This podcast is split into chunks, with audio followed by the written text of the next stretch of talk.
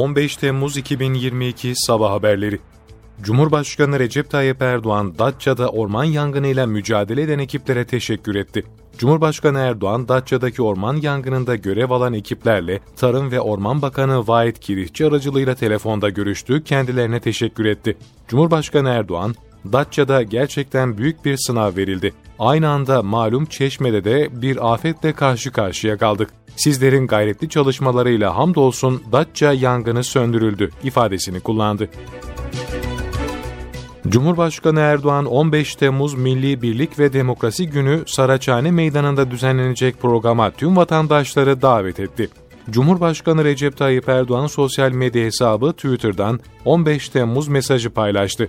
Erdoğan, darbe girişiminden büyük bir destana tebdil ettiğimiz, vatanımıza uzanan, habis elleri boşa çıkardığımız 15 Temmuz'un yıl dönümünde İstanbul Saraçhane Meydanı'nda olacağız, dedi.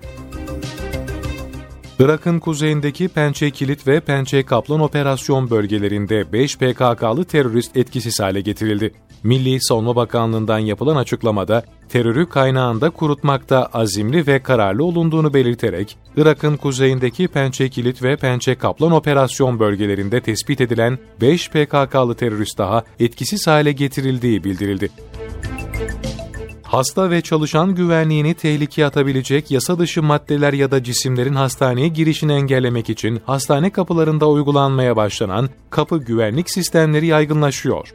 Sağlık Bakanı Fahrettin Koca'nın hastanelerde güvenlik önlemlerinin arttırılması amacıyla 4 ay önce verdiği talimat doğrultusunda kapı güvenlik sistemleri kurulmaya başlandı. Uygulama, Ankara Eğitim ve Araştırma, İzmir Çiğli Eğitim ve Araştırma ve İzmir Atatürk Eğitim ve Araştırma Hastanesi başta olmak üzere 24 hastanede hayata geçirildi. Ukrayna Savunma Bakan Yardımcısı Anna Malray, Ukrayna'nın savaşta verdiği kayıplarla ilgili bilgilerin devlet sırrı olduğunu belirtti.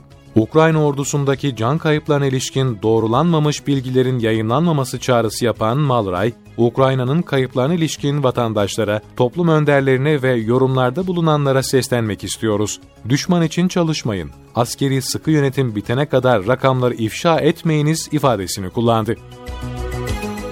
İstanbul'da su kaynaklarından biri olan Sazlıdere Barajı'nın üzerini yeşil ve mavi tabaka kapladı. Suyun üzerine ayrı bir katman oluşturan tabakanın göl kenarındaki otlara ve taşlara da bulaştığı da görüldü.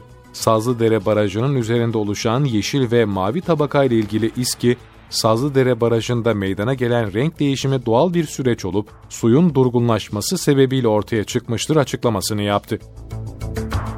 15 Temmuz Demokrasi ve Birlik Günü'nde 251 şehit için 251 hatmi şerif okunacak. Vakıflar Genel Müdürlüğü'nden yapılan yazılı açıklamada, yurt genelinde 82 merkezde düzenlenen etkinlikler kapsamında 251 şehidin ruhuna hediye edilmek üzere 251 Mevlid Han tarafından Mevlid-i Şerif, 2520 öğrenci tarafındansa 251 hatmi şerif okunacağı ifade edildi.